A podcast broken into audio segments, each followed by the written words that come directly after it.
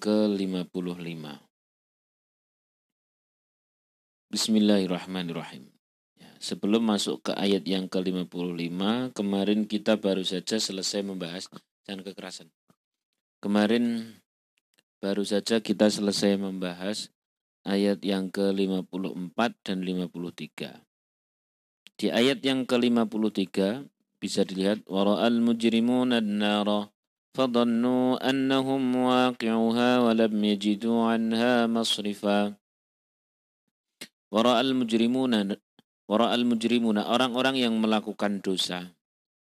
Ya. Wara'al mujrimuna orang-orang yang melakukan dosa mereka melihat an-nara neraka. Fadhannu kemudian mereka meyakini annahum waqi'uha bahwa mereka akan menghuni neraka tersebut. Nah, masa penglihatan sampai masuk ke neraka itu disebutkan kemarin berapa tahun? 40 tahun. Jadi 40 tahun disuruh melihat.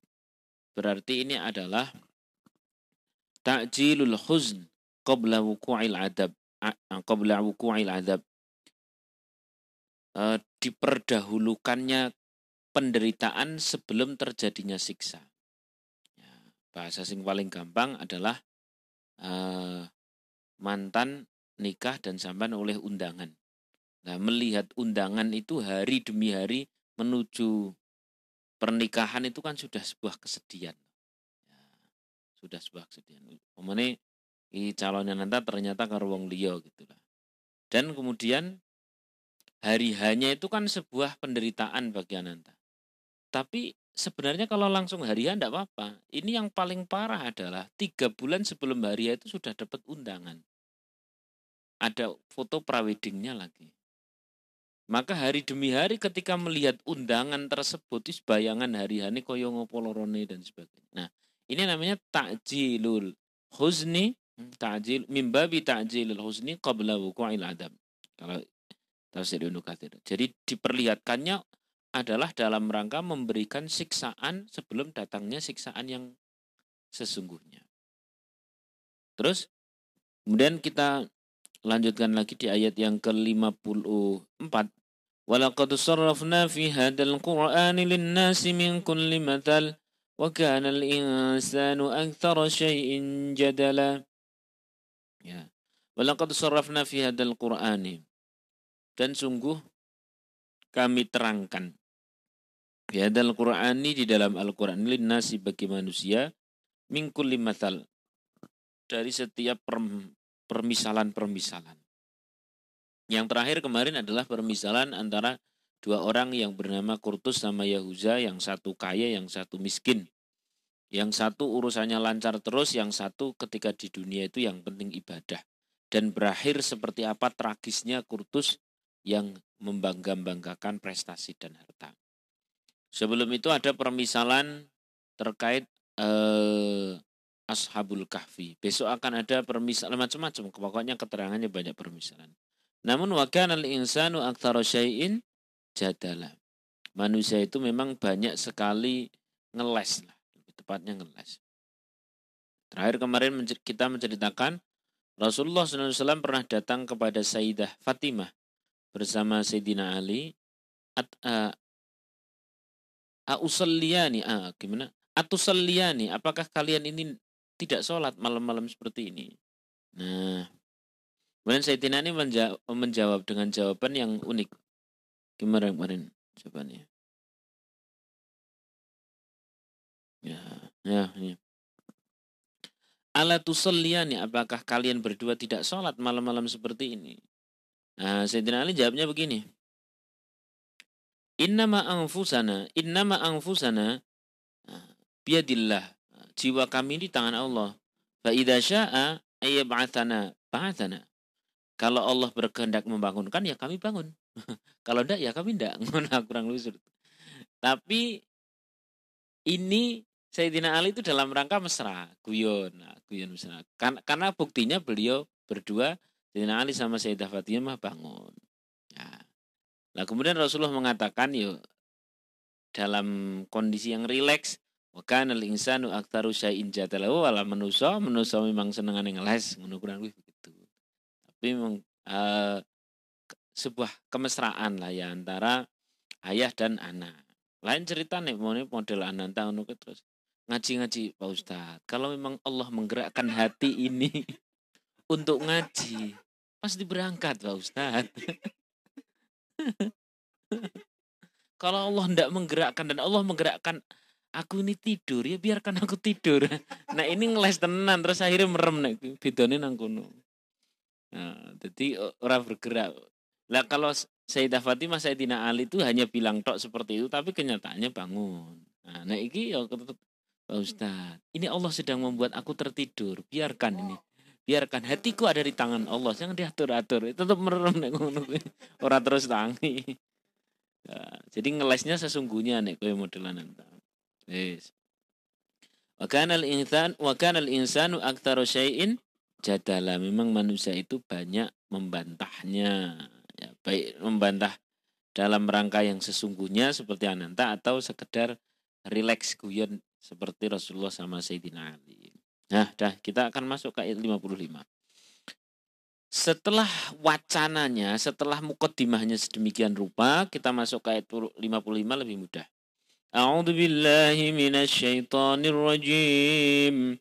Bismillahirrahmanirrahim. وما منع الناس أن يؤمنوا إذ جاءهم الهدى ويستغفروا ربهم ويستغفروا ربهم إلا أن تأتيهم سنة الأولين أو يأتيهم العذاب قبلا Wama mana'an nasa. Ini tafsir jalalin saya kecilnya. Wama mana'an nasa. Dan tidak ada yang mencegah manusia. Wama manalan orang kang nyegah annasa yang menusu ail ya ini siapa orang ka ayu minu untuk beriman. Idja'umul huda ketika datang kepada mereka al-huda petunjuk. Wa istaghfiru, nah ini wawunya wawu atof. Berarti ay wama mana'an nasa minu yastaghfiru gitu. Dan tidak ada yang mencegah mereka untuk beristighfar gitu. Paham ya wawunya seperti itu. Rabbahum kepada Tuhan mereka illa an ta'tiyahum sunnatul awwalin kecuali bahwa akan datang pada mereka sunnatul awwalin apa hukum Allah bagi orang-orang terdahulu au ya'tiyahumul adzab kubula atau datangnya azab kubula di depan mata ya. di sini ada beberapa versi penafsiran Salah satu versi penafsiran di dalam Tobari disebutkan begini, bahwa orang-orang kafir Mekah itu sebenarnya gampang sekali bagi mereka untuk beriman dan kemudian memohon ampun. Memohon ampun. Gampang sekali. Ini kan kisah besarnya Al-Aqra datang kepada Rasulullah kepingin beriman kan begitu. Hanya memberikan syarat orang-orang miskin seperti uh, Bilal, Abu Hurairah, Ibnu Mas'ud, Suhaib dan sebagainya disingkirkan dulu karena mereka itu orang-orang kafir uh, Mekah kala itu adalah orang-orang pembesar-pembesar. Oh, aku mau nek kumpul karo kaina. Nah, di sini di ayat ini masih ada keterhubungan bahwa sebenarnya mereka itu mudah sekali untuk ayu minu beriman, kemudian wastaghfiru rabbahum memohon apa? Uh, ampun kepada Allah. Setelah datangnya idja'umul huda, petunjuk itu artinya Al-Qur'an. Al-Qur'an. Hanya yang menghalang-halangi mereka sebenarnya adalah illa anta'tiyahum sunnatul awalin. Keinginan. Keinginan ditunjukkannya adab-adab sebagaimana yang dulu pernah diturunkan kepada orang-orang terdahulu. Kasaran yang ngomong kong ini aku jane pengen iman tapi opo yo terus kemudian nek ora beriman ki disiksa ngono lho. Jajal siksane kaya ngopo? Gitulah. Coba siksanya kayak apa. Dulu kan Nabi Musa ada yang membantah terus kemudian disiksa. Coba iki aku bantah karo Muhammad endi siksane? Lah ada keberanian seperti itulah yang kemudian memberikan penghalang datangnya nopo? Iman. Aku iman apa-apa cuman nyatanya sampai hari ini saya tidak beriman ya ndak datang siksa. Nah, Tapi IE ora ono kuwi. Nggak datang siksa. Gitu. Au ya tiang mulada buku bula atau mana coba di yang di depan mata dulu katanya orang zaman terdahulu begitu mereka melakukan dosa ada yang jadi kera. Mana? Tidak ada ini orang Mekah yang jadi kera tidak ada. Orang lebih seperti itu. Jadi yang menghalang-halangi mereka tidak beriman, yang menghalang-halangi mereka tidak mohon ampun adalah kepenasaran mereka terhadap turunnya apa? Siksa. Ya kan terus akhirnya menjadi bahan olok-olok kan tuh. Akhirnya menjadi bahan olok-olok. Atau di makna yang kedua, di makna yang kedua nih tadi itu kan keinginan toh. Keinginan. Di makna yang kedua ya memang mereka itu tidak akan beriman kecuali begitu adab mulai datang. Bahasa sing kasaran ngomong persis seperti Fir'aun. Fir'aun itu kan beriman ketika sudah di laut merah. Tapi sudah telat. Dan memang berimannya wis last minute last minute seperti itu. Memang mereka itu tidak mau beriman kecuali memang misalkan datang sebagaimana Kurtus kemarin terkena apa? Petir atau koron kenapa? E, gempa, gempa ke bumi. Memang mereka tidak mau beriman sebelum datangnya awya tiahumul adabu kubula. Siksa yang benar-benar di depan mata baru kala itu mereka mau beristighfar, baru kala itu mereka mau beriman. Memang yang membuat beriman kan wis kok ngono kuwi mung wis ora ditampa ceritane kok ngono. Nah, apa fungsi ayat ini uh, kemudian dihubungkan dengan ayat berikutnya, dihubungkan dengan ayat berikutnya. Tapi sebelumnya kita kita uh, terangkan dulu psikologis orang yang dia itu menantang menantang hukuman. Jadi dorong paham psikologis orang menantang hukuman psikologisnya seperti ini. Misalkan ya, orang korupsi. Di mana-mana orang tahu bahwa korupsi itu nanti ketangkep KPK, uripi tenang dan sebagainya. Bagi yang korupsi tapi tidak ketangkep KPK dan bahkan KPK yang takluk dan bahkan hidupnya nyaman, saya tanya, dia akan tetap korupsi atau berhenti? Tetap korupsi. Bahasa kasarannya ngomong, di katanya kalau korupsi itu terus kemudian hidupnya susah. Enggak, tetap senang kok. Nah, kurang psikologisnya begitu loh. Paham ya? Atau misalkan Ananta masih pacaran. Bolak-balik kajian, tiap kali kajian jangan pacaran karena sungguhnya pacaran itu akan memberikan kesusahan hidup. Susah apa Pak Ustadz? Kenikmatan.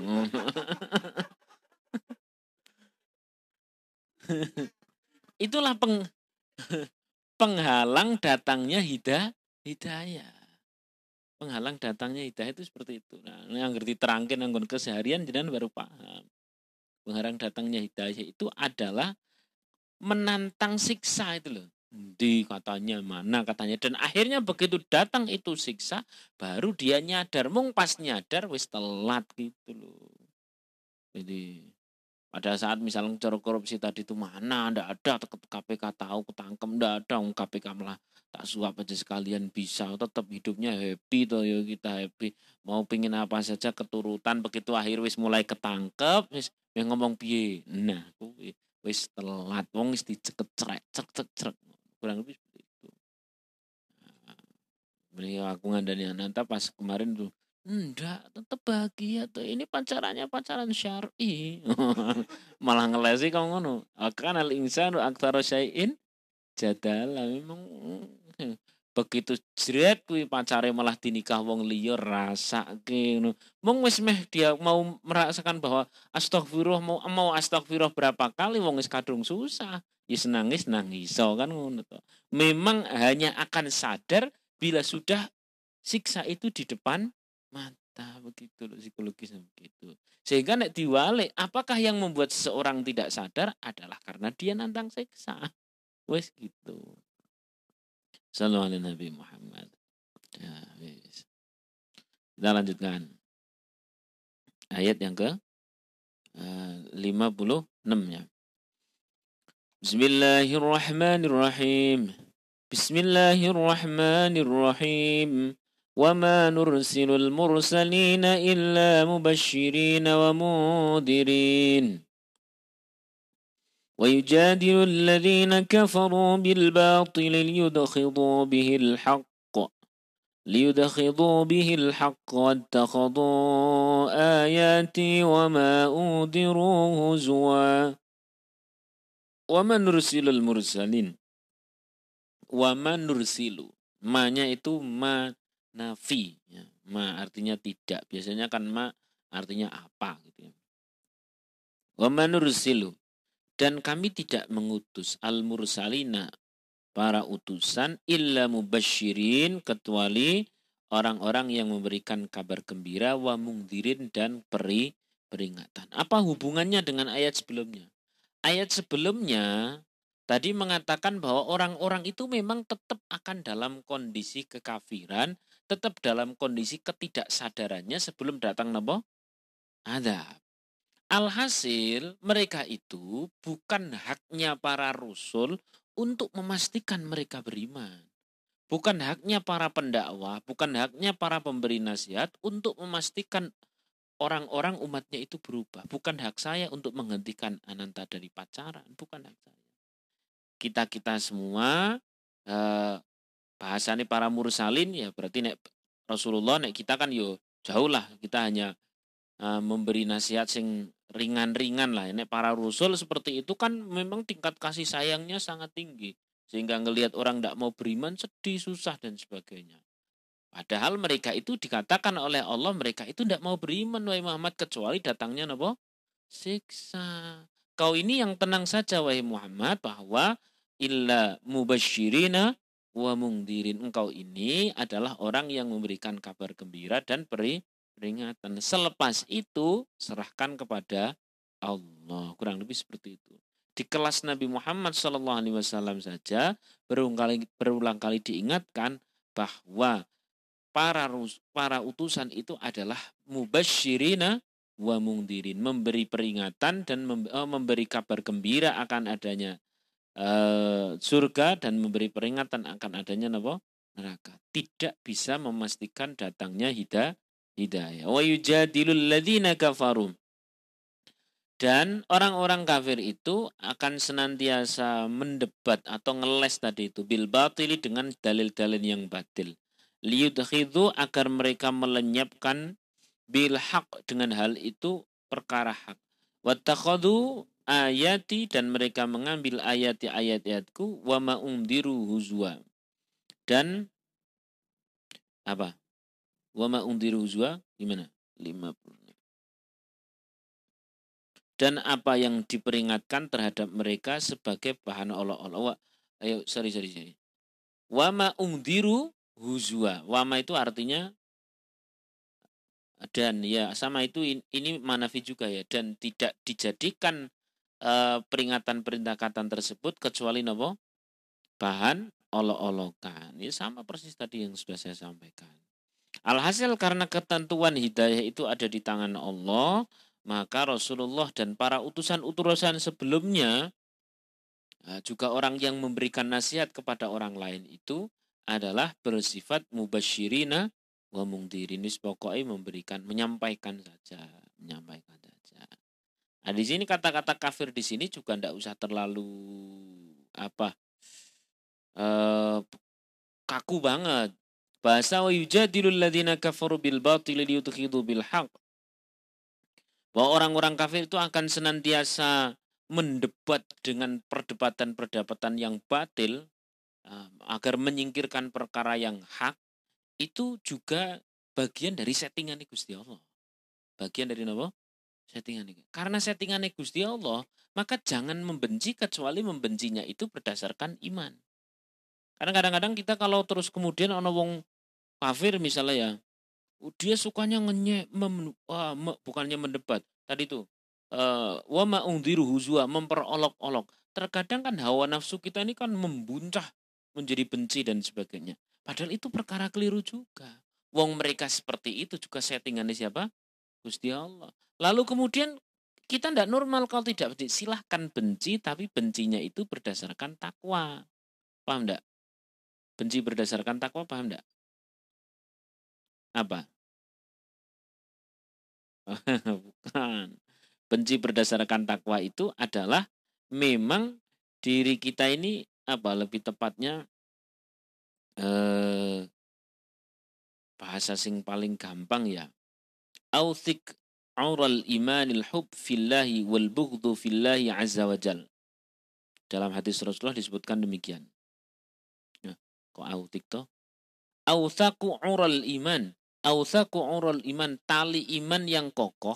Nah, tali iman yang kokoh adalah cinta karena Allah dan benci karena Allah. Maksudnya karena itu oleh Allah Subhanahu wa taala dibikin seperti itu, dijadikan oleh Allah sebagai orang yang kafir, maka kemudian kita diperintah oleh Allah membenci, berdasarkan perintah itu kita membenci, bukan berdasarkan hawa nafsu. Paham enggak? Bukan berdasarkan apa? Hawa nafsu. Kenapa? Allah yang punya rahasia. Benar-benar Allah yang punya rahasia. Masih ingat ketika Sayyidina Ali kala itu sudah dalam kondisi menang. Karamallahu wajah. Sayyidina Ali dalam kondisi menang, kemudian lehernya sudah, oh kok lehernya, uh, pedang beliau sudah nempel di leher orang kafir. Nempel. Kemudian orang kafir tersebut apa? Meludah. Des. Ketika meludah, kemudian Sayyidina Ali mengambil pedangnya. Tidak jadi menebas. Kalau kita kan malah uh tambah semangat. Tambah jeleng. Nah, begitu diangkat ditanya, kenapa tidak jadi?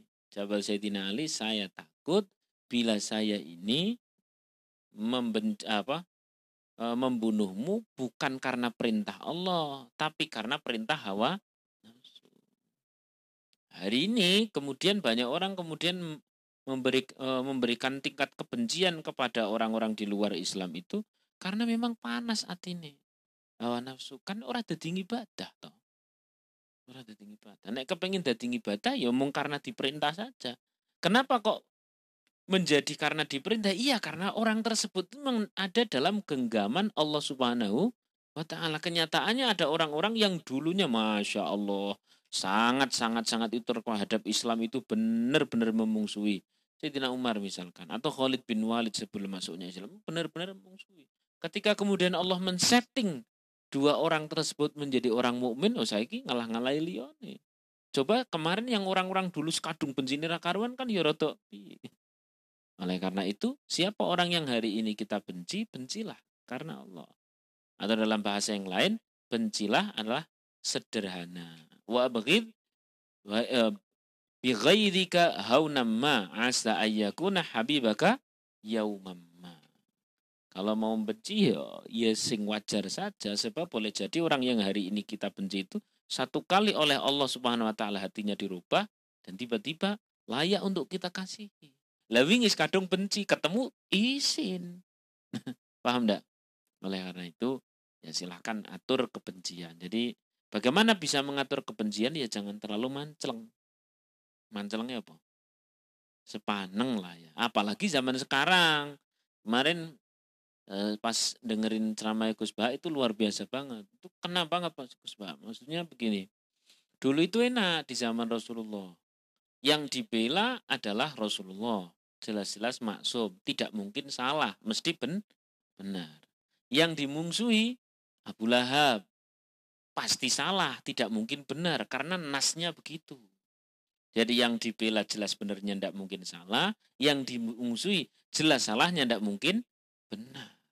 Lah kalau hari ini kita membela seseorang, apakah apalagi urusan politik lah ya, mengurusan urusan sing politik membela seseorang. Tiwas membela tenanan yang kita bela kan bukan maksum. Menurut kita benar, boleh jadi besok salah, kan tidak terjaga, tidak maksum. Kemudian orang yang kita benci, kayaknya itu jelas-jelas salah, tapi karena bukan nas yang membuat dirinya salah, boleh jadi besok jadi benar. Lah terus bicaranya, ya orang usah sepaneng, biasa baik. Gitu. Jawabannya ora usah sepaneng gitu. Jadi mulai jelas ya, walau ada ayat-ayat seperti ini tapi dalam membencinya itu lillah karena Allah, bukan karena hawa nafsu. Karena hawa nafsu nanti tidak jadi tidak jadi ibadah, nanti tidak jadi ibadah. Wis.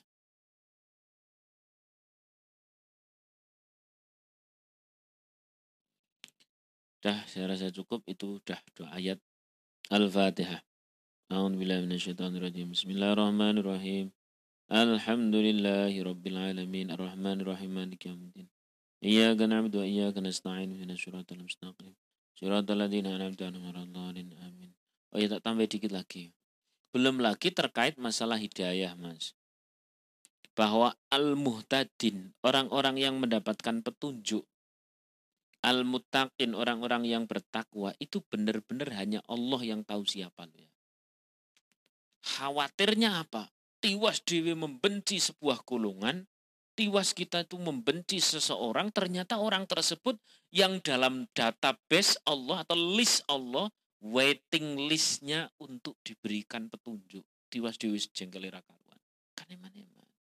Ada sedikitnya terulang empat kali bahwa hanya Allah lah yang paling tahu siapa di antara kita yang dapat petunjuk. Bahwa alamu bil muhtadin itu ada empat, empat tempat.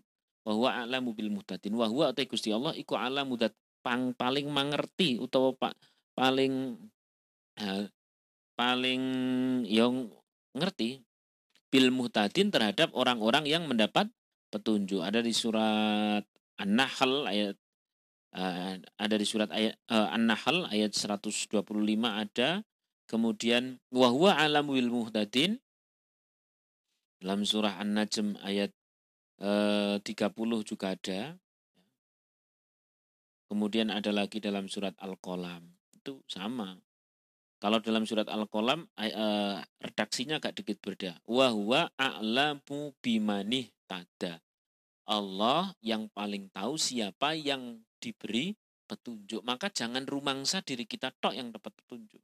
Dengan kadang-kadang kan cok ini konco-konco Faris kadang-kadang nih debat sih Allah yahdik semoga engkau oh, engkau ditunjukkan oleh Allah. Ngono to konco-koncone zaman dikit-dikit nek Bito sidik terus Allah yahdik semoga Allah memberi hidayah kepadamu. Kaya awake dhewe tok sing entuk kan kowe. Cik kelingan para zaman. Allah yahdik kan ini andalane kono. Semoga Allah memberikan hidayah kepadamu. Kaya dhewe tok sing entuk hidayah sementara yang lain tidak, tidak begitu. Wahwa a'lamu bil muhtadin. Allah lah yang tahu siapa yang dapat petunjuk. Ada tiga kali di, dikatakan seperti itu. Terus yang satu kali dengan redaksi yang berdakwah wa alamu bimanih tada. Sama. Dia Allah lah yang paling mengetahui siapa yang mendapat petunjuk. Ojo rumongso dewi tok sing untuk petunjuk wow, terus sing dimungsuhi orang untuk petunjuk bukan. Paham ya? Nah, enggak hari ini kan lagi marak banget ketika orang merasa benar maka yang lain menjadi. Ketika dia membela seseorang yang menurut dia benar berarti orang lain yang membela orang lain itu dinilai Padahal yang dibela itu salah satunya bukan tidak ada nabinya, salah satunya juga tidak ada Abu Lahabnya. Nah, oleh karena itu sedengan saja lah, sedengan saja, sedengan saja. Ya udah. Nah, Fatihah lagi, Al-Fatihah. Bismillahirrahmanirrahim. إياك نعبد وإياك نستعين اهدنا الصراط المستقيم صراط الذين أنعمت عليهم غير الضالين آمين السلام عليكم ورحمة الله وبركاته